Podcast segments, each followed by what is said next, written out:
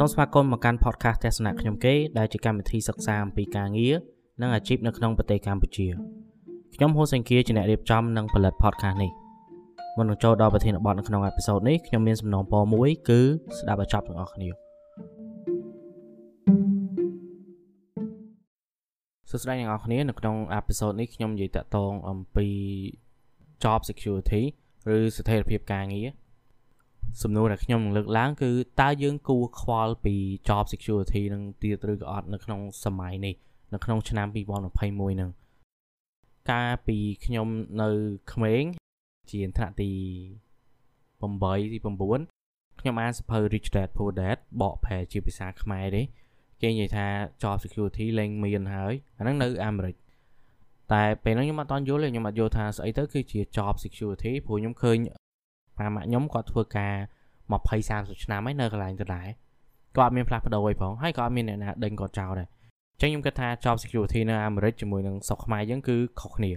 តែមកដល់ឥឡូវនេះនៅពេលខ្ញុំធ្វើការប្រហែលឆ្នាំខាងក្រោយនេះអ្វីដែលខ្ញុំសង្កេតឃើញគឺ job security លែងមានទៀតហើយមិនថាយើងធ្វើការជាបុគ្គលិក full time ឬក៏បុគ្គលិក part time ទេ job security គ្រាន់តែជាពាក្យមួយដែលគេ និយាយការពីមុនវាជារឿងអតីតកាលហើយនៅក្នុងសម័យឥឡូវនេះគេចង់ដេញបុគ្គលិកណាមួយចោលក៏បានដែរដោយសារតែគេអាចរើសបុគ្គលិកផ្សេងទៀតមកជំនួសការងារយើងក្នុងរយៈពេលខ្លីបានហើយពេលខ្លះអត់ចាំបាច់ train ទៀតពេលដែលយកមកបុគ្គលិកផ្សេងទៀតគឺគាត់អាចធ្វើបានតែម្ដងមិនមែនការងារទាំងអស់សុទ្ធតែត្រូវការការ train បុគ្គលិករាប់ខែដើម្បីគាត់ធ្វើការងារបានទេពេលខ្លះការងារហ្នឹងគឺវាមានលក្ខណៈ global អឺមិន global universal បានន័យថាក្រុមហ៊ុនណាក៏គេធ្វើអញ្ចឹងដែរអញ្ចឹងនៅពេលដែលគេយកបុគ្គលិកនឹងចូលមកគឺគាត់អាចយល់ពី process ការងារនឹងហើយខ្ញុំឧទាហរណ៍ដូច project manager អញ្ចឹងនៅកន្លែងណាក៏ការគ្រប់គ្រង project គឺមានលក្ខណៈស្តៀងគ្នាដែរអញ្ចឹងនៅពេលដែលគាត់ចូលមកធ្វើការនៅក្នុងក្រុមហ៊ុនថ្មីថ្នាក់លើឬក៏តកែហ្នឹងគ្រាន់តែចំណាយពេលមួយថ្ងៃពីរថ្ងៃដើម្បីបញ្យល់គាត់ពី business ទៅគឺគាត់អាចយល់ពី process ការងារទាំងស្រុងបានហើយហើយគាត់ក៏អាចគ្រប់គ្រងការងារនឹងបានដែរ ហើយសម្រាប់ការងារដែលសាំញ៉ាំគាត់អាចពឹងទៅលើបុគ្គលិកចាស់ចាស់ដែលមាននៅក្នុងក្រុមហ៊ុនស្រាប់ហ្នឹងជួយគាត់វិញ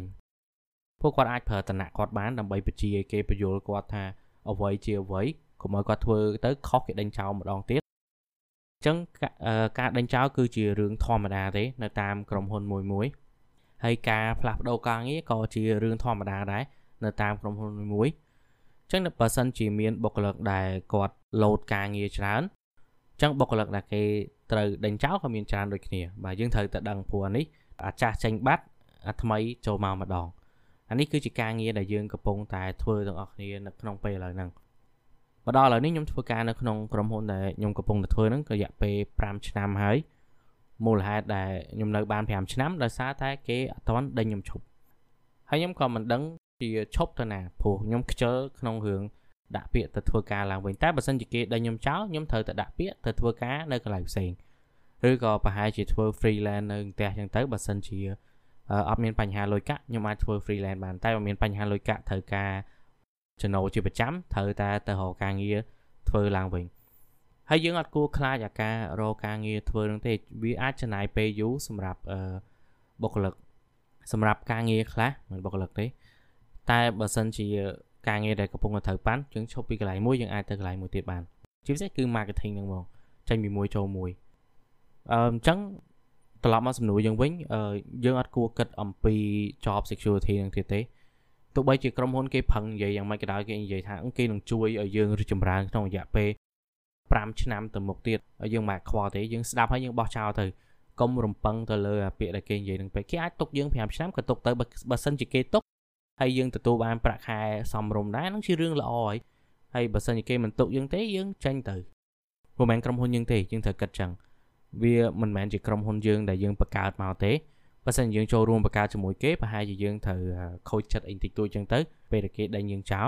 តែបើសិនជាយើងគ្រាន់តែជាបុគ្គលិកដែលចូលមកគេមានក្រុមហ៊ុនរាប់ឆ្នាំហើយអត់អត់ចាំបាច់ខ្វល់ច្រើនទេ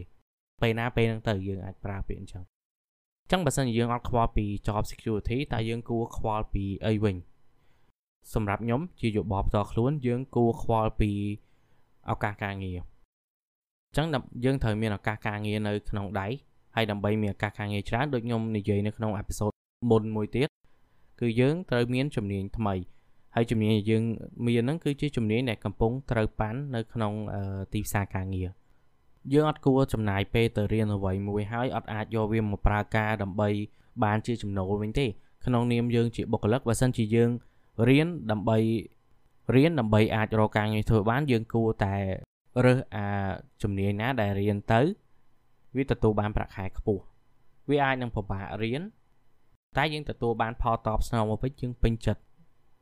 អញ្ចឹងខ្ញុំមានតែប៉ុណ្្នឹងទេនៅក្នុងអេពីសូតនេះហើយខ្ញុំសង្ឃឹមថាអ្នកទាំងអស់គ្នាដែលមិនទាន់អានសភៅ Rich Dad Poor Dad គួរតែចំណាយពេលអានទៅនេះមិនមែនជាសភៅថ្មីទេហើយក៏មិនមែនជាសភៅដែលពិបាកអានពេកដែរវាតាក់ទងជាមួយនឹង ហេរញ្ញវត្ថុផ្ទាល់ខ្លួននិងការស្វែងយល់ពីលុយតិចតួចมันมันស៊ីជម្រៅទេកាលពីខ្ញុំនៅក្មេងខ្ញុំគិតថាសភៅនឹងស៊ីជម្រៅតែដល់ពេលឥឡូវខ្ញុំគិតថាវាគ្រាន់តែជាការបង្រៀនដាស់តឿនទូទៅដល់ក្មេងៗដែលគាត់អត់មានឪពុកម្ដាយបង្រៀនពីហិរញ្ញវត្ថុនៅក្នុងផ្ទះអញ្ចឹងបើសិនយើងអត់បានអានទេទិញអានមួយក្បាលទៅអានជាភាសាអង់គ្លេសក៏បានអានជាភាសាខ្មែរក៏បានព្រោះខ្ញុំអានទាំងពីរហើយអ្នកដែលគេបកប្រែហ្នឹងគឺមើលទៅគឺគុណភាពអាចទទួលយកបាន ប៉ុន្តែបើយើងខ្លាំងអង់គ្លេសយើងអាចអានអង់គ្លេសទៅហើយយើងអានសភៅនេះមិនមែនដើម្បីថាអានហើយយើងទៅជាអ្នកមានអីទេយើងគ្រាន់តែអានដើម្បីឲ្យដឹងពីរបៀបដែលអ្នកម្ចាស់អាជីវកម្មគាត់គិតព្រោះឯតកែរបស់យើងគឺជាម្ចាស់អាជីវកម្មអញ្ចឹងនៅពេលដែលយើងអានទៅយើងបានយល់ខ្លះដែរអ្វីដែលគាត់និយាយអ្វីដែលគាត់ធ្វើនិងអ្វីដែលគាត់គិតគឺខុសគ្នានេះសម្រាប់អ្នកដែលអត់ទាន់ចូលធ្វើការអ្នកនរគ្នាអាចគិតថាតកែអ្នកនរគ្នាជាមនុស្សដែលមានចិត្តទលាយចេះ យោគយល់បុគ្គលិក no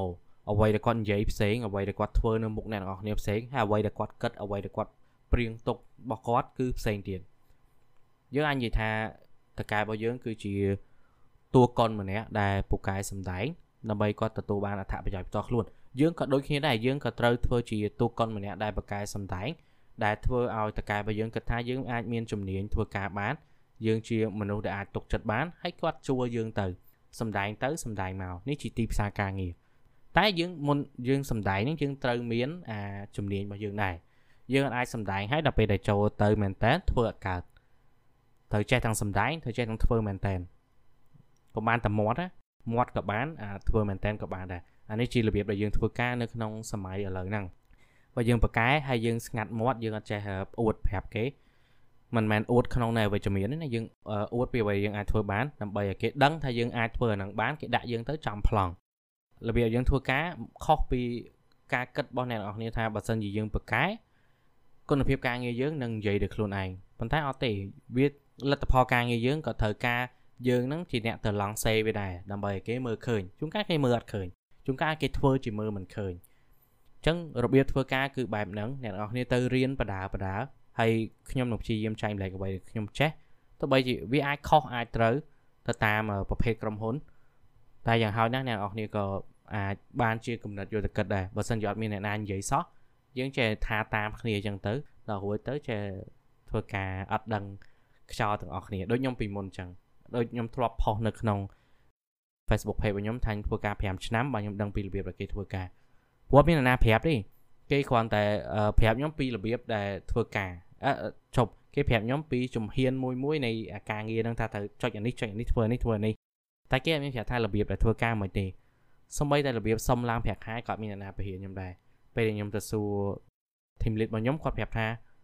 សុំទៅអីតែគេចង់ឲ្យគេឲ្យគាត់និយាយបែបហ្នឹងព្រោះគាត់ទទួលបានអាលទ្ធពេលដែលគាត់សុំទៅគឺគាត់អត់ទទួលបានអញ្ចឹងគាត់ក៏និយាយតាមបទពិសោធន៍របស់គាត់មកឲ្យខ្ញុំមិនមែនថាគាត់ចង់ឲ្យខ្ញុំនឹងអត់ទទួលអត់បានប្រាក់ខែច្រើនទេ ព្រោះបានប្រាក់ខែច្រើនអត់មានអីពាក់ព័ន្ធមួយគាត់ទេជាលុយក្រុមហ៊ុនតែគាត់និយាយតាមបទពិសោធន៍របស់គាត់អញ្ចឹងតាមបទពិសោធន៍របស់ខ្ញុំយើងត្រូវតែសុំយើងត្រូវតែនិយាយយើងត្រូវតែបង្ហាញគេថាយើងអាចធ្វើអីបានខ្លះ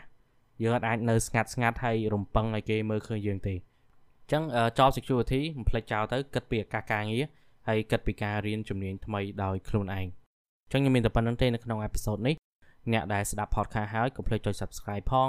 អ្នកដែល subscribe ហើយកុំភ្លេចចូលទៅសរសេរ review នៅលើ Apple Podcast ផងពាក្យ review ខ្លីៗរបស់អ្នកទាំងអស់គ្នាអាចជួយឲ្យ podcast របស់ខ្ញុំមានគេស្ដាប់កាន់តែច្រើនមានគេស្គាល់កាន់តែច្រើនខ្ញុំអាចជួយបុគ្គលិកក្មេងៗបានមិនមែនថាជួយទេគាត់ហើយអាចថាជួយក៏បានដែរព្រោះបើដែរអូខេអាចជួយបុគ្គលិកក្មេងៗជំនាន់ក្រោយដែលគាត់ឡើងមកហ្នឹងបានច្រើនកុំឲ្យគេបោកប្រើជួបគ្នានៅក្នុងអេពីសូតក្រោយអរគុណ សូមអរគុណសម្រាប់ការចំណាយពេលរបស់អ្នកទាំងអស់គ្នាជាមួយនឹងអេពីសូតនេះកុំភ្លេចចុច Subscribe ឬក៏ Follow podcast នេះដើម្បីទទួលបានអេពីសូតថ្មីៗទៀតសម្រាប់ព័ត៌មានបន្ថែមសូមចូលទៅទំព័រ Facebook ទស្សនៈខ្ញុំគេដែលសរសេរជាភាសាខ្មែរ